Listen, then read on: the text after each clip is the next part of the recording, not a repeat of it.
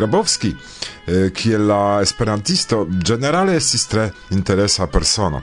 Ja li estis fondinto de la Varsovia Societo Esperantista, la unua rondo organizita en Varsovio. Ion similan li faris ancau en Lodzo, sed sur la campo pri kiu nun ni parolas, oni komencis nomilin patro de la esperanta poezio. Kial?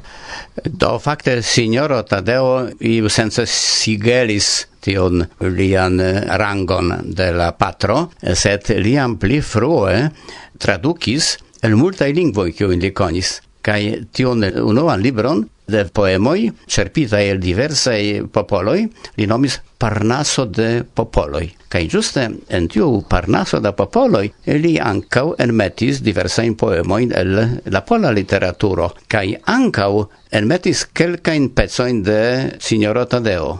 Li vivis tiam en Varsovio, kaj li povis consulti tiuin pecoin kiu li volis meti en Parnaso de popoloi, por controli, do ins controli al Zamenhof. Kaj Zamenhof, ekvidinte tiun fragmento de sinjoro Tadeo, diris al li traduku la tuton. Eh, cetere Grabowski scribas pri tio en la antau parolo al signora Tadeo, che tiu propono de Ludovico Zamenhof ridindigis lin Ĉu ne, ĉar ŝajnis al mi, ke tio absolute ne eblas, ĉar eh, ne eblis traduki tiel grandan poemon. Sed eh, mi diras alian aferon. Antaŭ kelkaj jaroj, verŝajne tio estis dum la Universala Kongreso en Rotterdamo. mi renkontiĝis kun Humphrey Tonkin, kiu estas granda Shakespeare logo kaj granda esperantisto, kaj mi estis sub impreso, ke mi ĵus legis jam sekvan fojon la tradukon de Zamenhof de Hamleto. Kai mi demandis la sekspirologon Humphrey Tonkin, Kia maniere povis okazi, che giusta Zamenhof, kiel unuan verkon en sia vivo, electis Hamleton, kai Humphrey Tonkin respondis, clara afero, se Zamenhof comprenis, se la lingvo farigiu vera lingvo, li giuste devis traduki tiuin vercoin, kio esas malfacilai ne nur iu canzonoi cae racontetoi por infanoi. Cae effective Zamenhof sendube instigis Grabowski traduki signoron Tadeon, cert fin fine Zamenhof ancau conis tre bone la polan literaturon. Mi tute hazarda trovis, che Zamenhof ancau, ec pli frue ol eh, Antoni Grabowski komencis traduki signoron Tadeon. Mi citi ec eh, havas tion eh, tradukon do. Zamenhof tradukis tiel la unuajn vortojn nur mi citas. Litvo, kara patroland, la sanon vi presentas valoron vi antiu nur en plena vero sentas, kiu vin perdis. Do la traduco estas tre adekvata, ĉu ne estas kvazaŭ tute sama kiel la originalo. Tamen Zamenhof uzis tute alian metrikon, dek kvin silaban. Do jam tio ne estas sama kiel originalo, dom la originala metriko de Signora Tadeo esas dec tri silaba, til nomata Pola Aleksandro. La tradukon eh, de tiu fragmento laŭ Grabowski sen probleme vi trovos en la reto por compari, mm, eh, set eh, alla temo ancora ni revenos, char ce la aria rencontigio mi shatus babili, cun vi ancau pri la lingva flanco de tiu lerte traducita verco. Do, mi povas nur diri, char effettive ni devas tion iom pli large paroli, set mi nur citie mallonge diru, che mi convincigius mem, kiel terrore malfacile estas traduki Mickiewicz laula sama metrico en Esperanton, ne? Do, tiu traducado estas fakte solvado de krucvortionigmoj, ne? char devas cesi ne nur ritmo, ne nur rimo, esas ankaŭ aliai condicioi, che la poemo en Esperanto estas tute sama kiel la originalo. Zamenhof provis eh, Grabowski tradukis, eh, sed inin ambau cikaz ligas nomo de Adam Mickiewicz. Do eh, li havas la rangon quasi oficialan de la nazia poeto. Do oni povas diri la plej grava poeto kaj tiun ĉi rangon li atingis pere de signora Tadeo. Quancam lia merito por la pola literaturo estis, mi diru, pli grava, pli frue, kiam li, kiel dudeciara knabo, eldonis la unuan poemaron, kio nomigis Balladoi cae Romancoi. Kaj tio estis romantica revolucio en pola poezio. Tio estas necredeblas, ne? Ke tiu knabo, kiu estis dudek aŭ dudek unu, dudek du jara, konis kelkajn lingvojn kaj li konis bonege verkadon de Johann Wolfgang Goethe kaj Friedrich Schiller, ne? kiu estis konsiderataj romantikaj prekursoroj de Europa literaturo. Do li per siaj baladoj kaj romancoj iu sense separigis de la tiel nomata classica literaturo, po classica poesio, kai li enconducis elementoi de romanticismo, kies eh, cefa ecoj exemple estis reveno al la popola busa poezio. Do Adam Mickiewicz verkis poemetoin, ĝuse tiu balladoi kaj romanzoi kiu estis recte cerpita de la popola busa literaturo.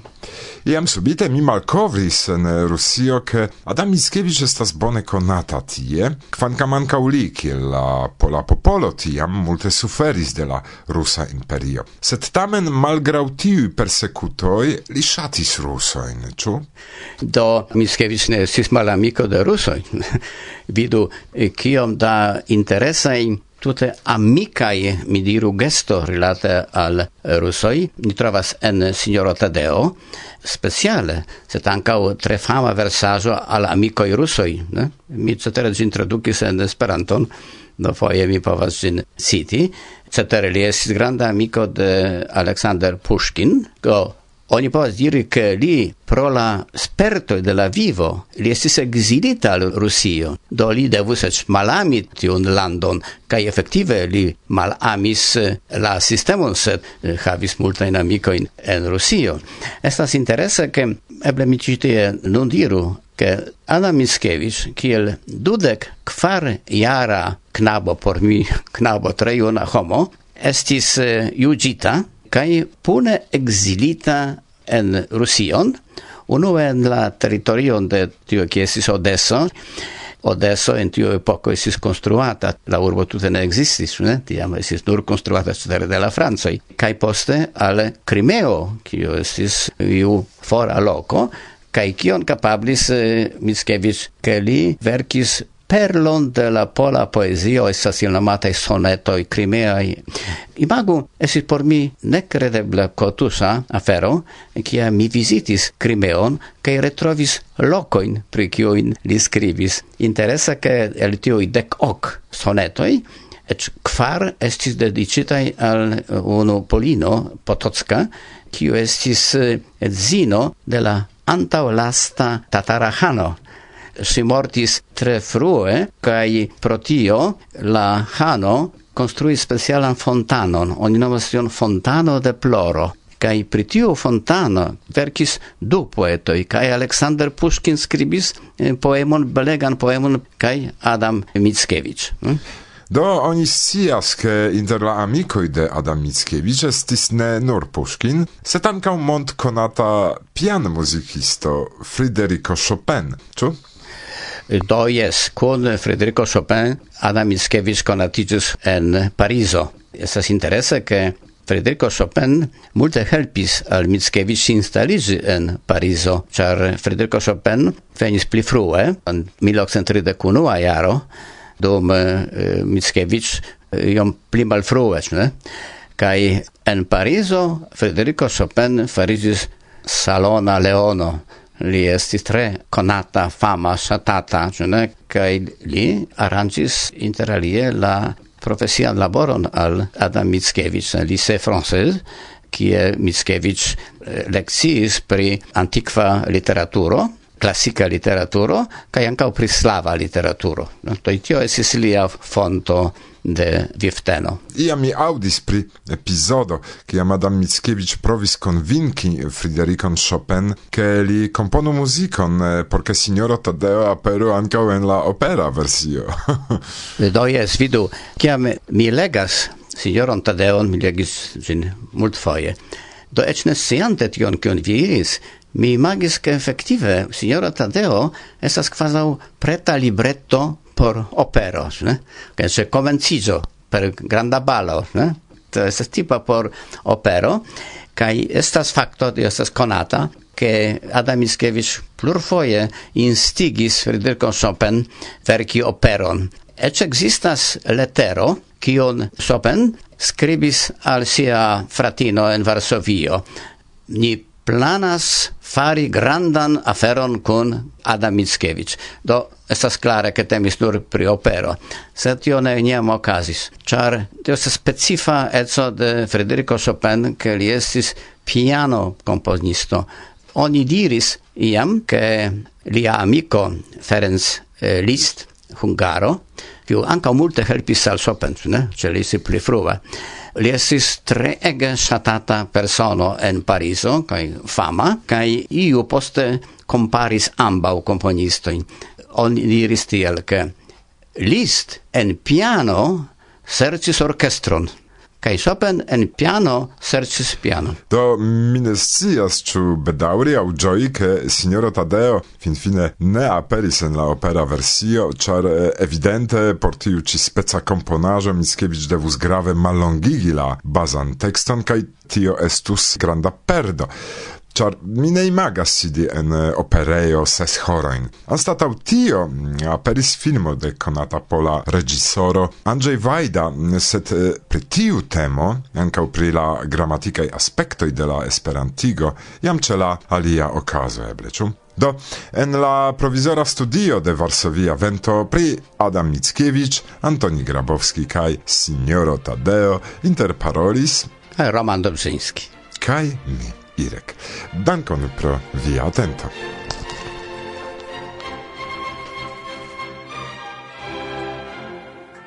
Litwo, ojczyzno moja, ty jesteś jak zdrowie. Ile cię trzeba cenić, ten tylko się dowie, kto cię stracił. Dziś piękność twą w całej ozdobie widzę i opisuję, bo tęsknię po tobie. Panno święta, co jasnej bronisz Częstochowy, i w ostrej świecisz bramie. Ty, co gród zamkowy nowogródzki ochraniasz z jego wiernym ludem. Jak mnie, dziecko do zdrowia, powróciłaś cudem, gdy od płaczącej matki pod Twoją opiekę ofiarowany martwą podniosłem powiekę i zaraz mogłem pieszo do Twych świątyń progu iść, zawrócone życie podziękować Bogu. Tak nas powrócisz cudem na ojczyznę łono. Tymczasem przenoś moje duszę utęsknioną do tych pagórków leśnych, do tych łąk zielonych, szeroko nad błękitnym niemnem rozciągnionych, do tych pól malowanych zbożem rozmaitym, wyzłacanych pszenicą, posrebrzanych żytem.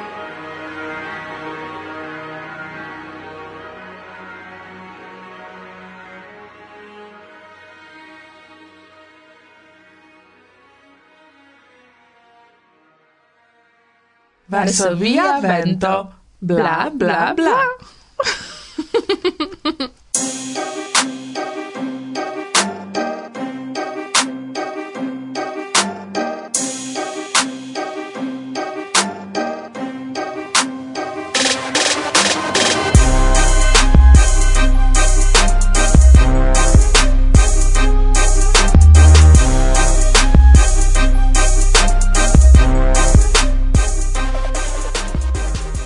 Saluton care auscultantoi. La plei grandan parton en contacto numero 260 ok oni dedicas al amrilatoj kai geedzigio. Bela, sed ancau malfacila temo en la 21 jarcento. Homoi en la nuna mondo alie pli libere ol niei geavoi traktas rilatoi inter viro kai virino. En sia articolo, Raita el Finlando, tuŝas vere interesan kaj same komplikan temon, ege forte kunigitan kun geedziĝo – divorco. Kial oni divorcas? Raita provas respondi al tiu demando, laŭ mi sukcese, surbaze de enketo inter sep mil intervjuintaj geedzaj paroj de Finnlando. Impona nombro. Evidentigas, ke la finoj atendas pli grandan feliĉon post geedziĝo. Al viroj plej gravas fideblo respekto kai bona seksumado. Virinoj atendas ne nur bonan seksumadon, fideblon kai respekton, sed fortan engagigion al la familio kai la infanoj, egalan partoprenon en la heimai laboroj, kapablon solvi konfliktoin. Hm. Sed kia esas realeco? Ĉu murdas la belan imagon? Kio okazas kiam jaroj pasas? Atendoj tiel forte varigas, ke homoj ne plu altenas unu la alian. Lau intervjuintoj, kun pasado de la tempo aperas ankaŭ malkapablo pritakti malsaman opiniadon kaj esprimi siajn sentojn, manko de la amo kaj proksimeco, malfideleco. Plia kialo estas ke nuntempe la vivo daŭro preskaŭ duobliĝis. Antaŭe sufiĉis se la amo daŭris dudek, tridek jarojn, nun oni devus ami aŭ almenaŭ toleri unu la alian dum kvindek, sesdek aŭ pli da jaroj. Mi havas impreson, ke mi legis ne nur pri la finoj, sed ankaŭ pri la poloj, francoj, hungaroj, belgoj, pri ĉiuj nacioj. Mi citis nur fragmentojn el vere interesa artikolo de Rajta, se vi volas ekscii pli da divorckaŭzoj kaj malkovri kiel eviti divorcon, kompreneble daŭrigon serĉu en kontakto. Dankon!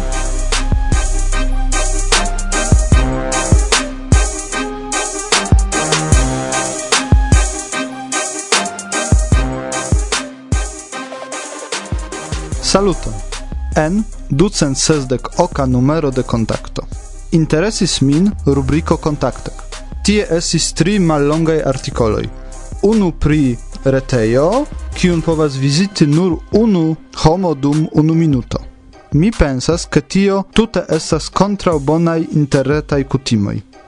Eble temas nur pri ŝerco, sed mi pensas, ke neniel ĝi estas utila. Mi vizitis tiun retejon kaj laŭ mia impreso ne valoras ĝin viziti. La dua novaĵo estas laŭ mi tre bona. Eble jam vi aŭdis, ke oni povas krei viandon en laboratorio sen malvivigado de bestoj. En kontakto estas skribita, ke tiu metodo iĝis malpli kosta ol antaŭe. Interesas min, kion pensas pri tio, tiuj vegetaranoj kaj veganoj, kiuj ne manĝas viandon pro kompato al bestoj. La tria novajo estas terura. Ras Olbrecht pasigos la reston de sia vivo en malliberejo, Char li kreis retejon Silk Road, pere de kiu homoj povis anonime komerci, pro kio multaj komercis kontraŭleĝe. Kontakto ne komentis la aferon laŭ morala vidpunkto. Sed laŭ mia opinio estas malmorale kiam statoi kontrolas merketon kaj reton kaj kiam homo kiu organizas propravole interŝanĝoj estas malliberigata. Io kontraŭleĝa ankoraŭ ne signifas ion malmoralan. Kaj inverse, tio kio estas malmorala ne signifas ke devas esti kontraŭleĝa.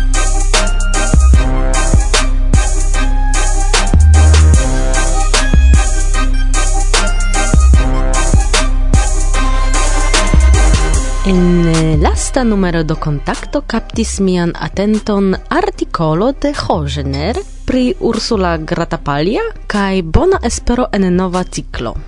Char Bona Espero existas longe, oni pensas kio okazis dum tiom longa tempo. Jen unu el la respondoj kiujn mi trovis en la artikolo. Ni dum tiuj kvardek jaroj ĉiutage ŝanĝis ion. Estis daŭra ŝanĝo. Ciu tage ni ŝanĝis la destinoin de pli ol okcent infanoj. Ni ŝanĝis la virgan savanon en prosperan fruktoĝardenon. Ni konstruis domegojn kaj dometojn, lernejon, bibliotekon, laborejon, dudek banejojn, dormejojn, salonojn, kotopo. Ni protektis mil hektarojn da vigra grundo kun akvofontoj kaj riveretoj. Ni estis konsciaj ekologoj de pli ol kvardek jaroj, ĉar ni vivis en poluita Eŭropa industriurbo antaŭ al albona espero en 1974. Kio daŭre estis en la artikolo? Estis la demando, kion signifas nova ciklo por bona espero? Se vi ŝatus scii la respondon, legu la lastan eldonon de kontakto.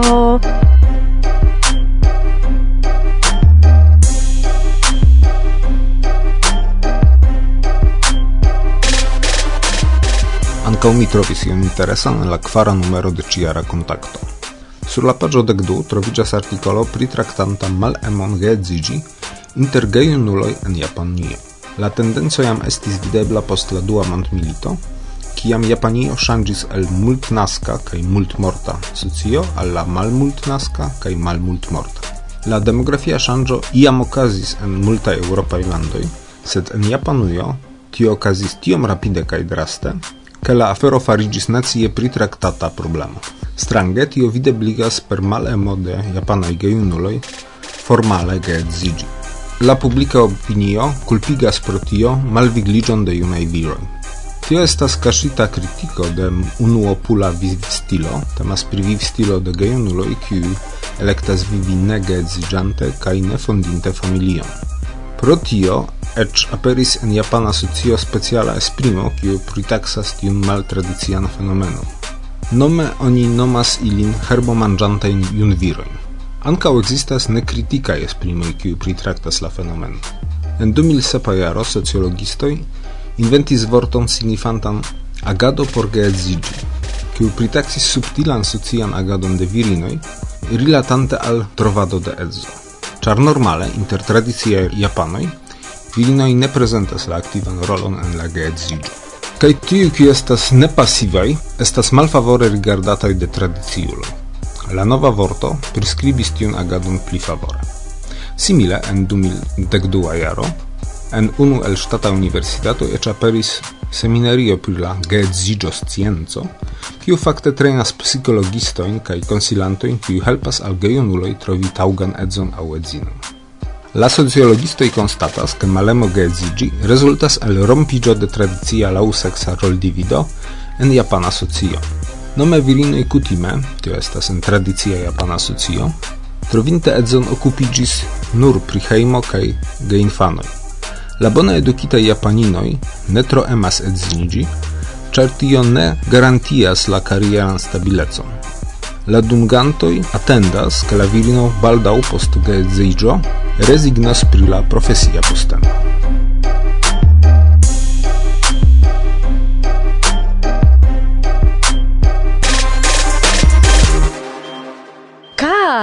Mi shatus sendi al Hogener la plej elkorajn brakumojn kaj kisetkojn. compreneble de Rudziak. Ankaŭ de Ramonie.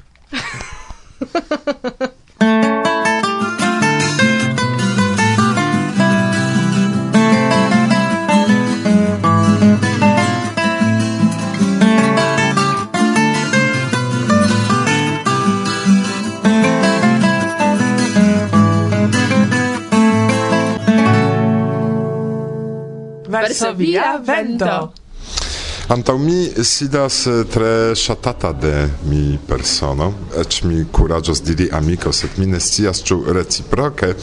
Homo kiu estas koro de la litova Esperanto movado, laŭ mi, permesu ke mi havu mian opinion, antaŭ ni do Povilas Jegorovas, do mi estas prezidanto de Litova Esperanto Asocio, Kai cet vi pravas, kai miestas amiko de vi, kai de multe aliei poloj, kai de aliei esperantisto de diversaj landoj.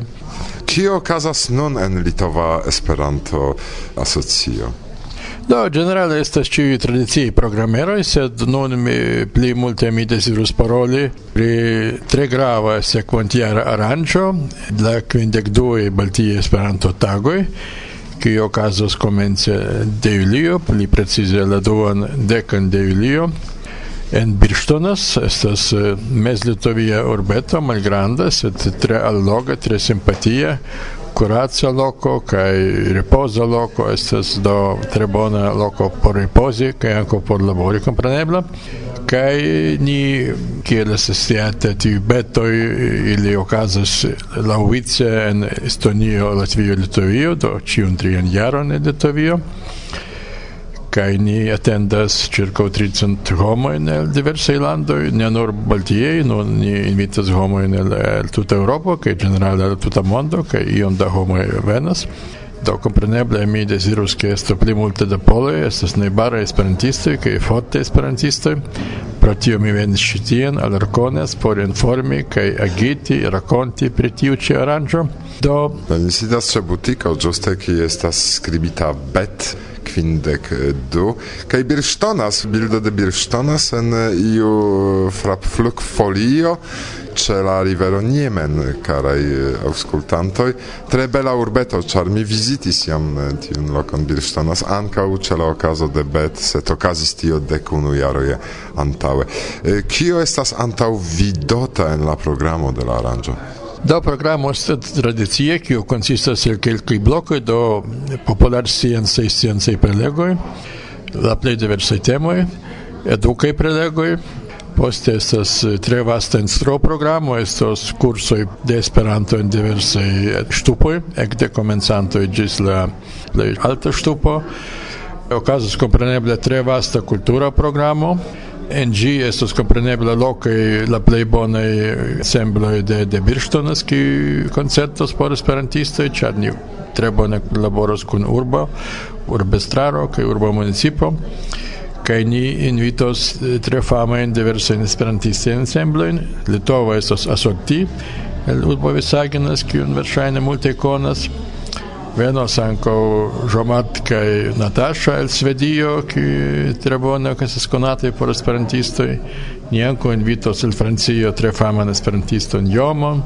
Kantas Paulo Možajev el, el, el Krimeo estas eh, tre, tre alloga persono. Mikaela Bronstein, do kultura programo estas tre vasta. Krom estas serio de prelegoj pri litova lingvo kaj kulturo, kiu ĉiam okazas.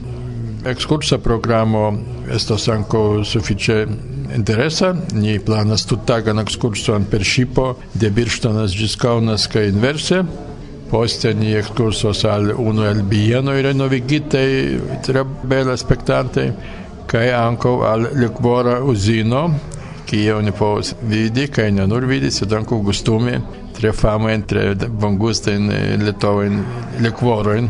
Kaj vi aŭskultas nuntempe organizanton interalie de la Universala Kongreso en Vilnuso, do eh, vi povas imagi la kvaliton de la aranĝo kiu proksimiĝas. Yes, do mi povas garantii che eh, qualito estas bona alt nivele eh, ciu qui vizitis kaj kongreson universalan en Vilnius en 2005 žurnalistan kongreson en 2008 kaj aliaj aranĝoj ni kutime faras tion tre respondeca, tre kurate kaj tre altkvalite. Do sendube ĉiuj kiuj venas ĝuas kaj programon kaj ĉiujn organizajn aspektojn kaj landon de ĉiuj flankoj ni intencas plani kaj organizi belan kaj bonan aranĝon altmenan. Pli multe da informoj vi trovos ĉe la ligilo, kiun vi trovos sub la menua priskribo, ke estas intervjuo kun eh, Povilas Jegorovas pri eh, Baltie Esperanto tagoj. Oni diras aĉu en aĉu eh, en la litova estas dankon, sed diru ion por la aŭskultantoj de la mondo en la litova lingvo, ke ili aŭdu, ĉar ne ĉiuj jam aŭdis la litovan, do salutu ilin en la litova.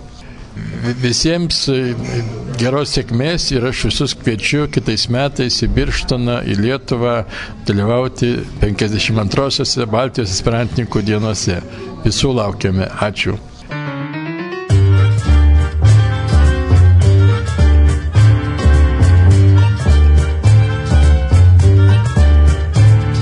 Sănătăveniți făcălene pe vastorul lui Se din muscă ne stia schi în sari cum vi Se din esu sa sa șaitul la muzicon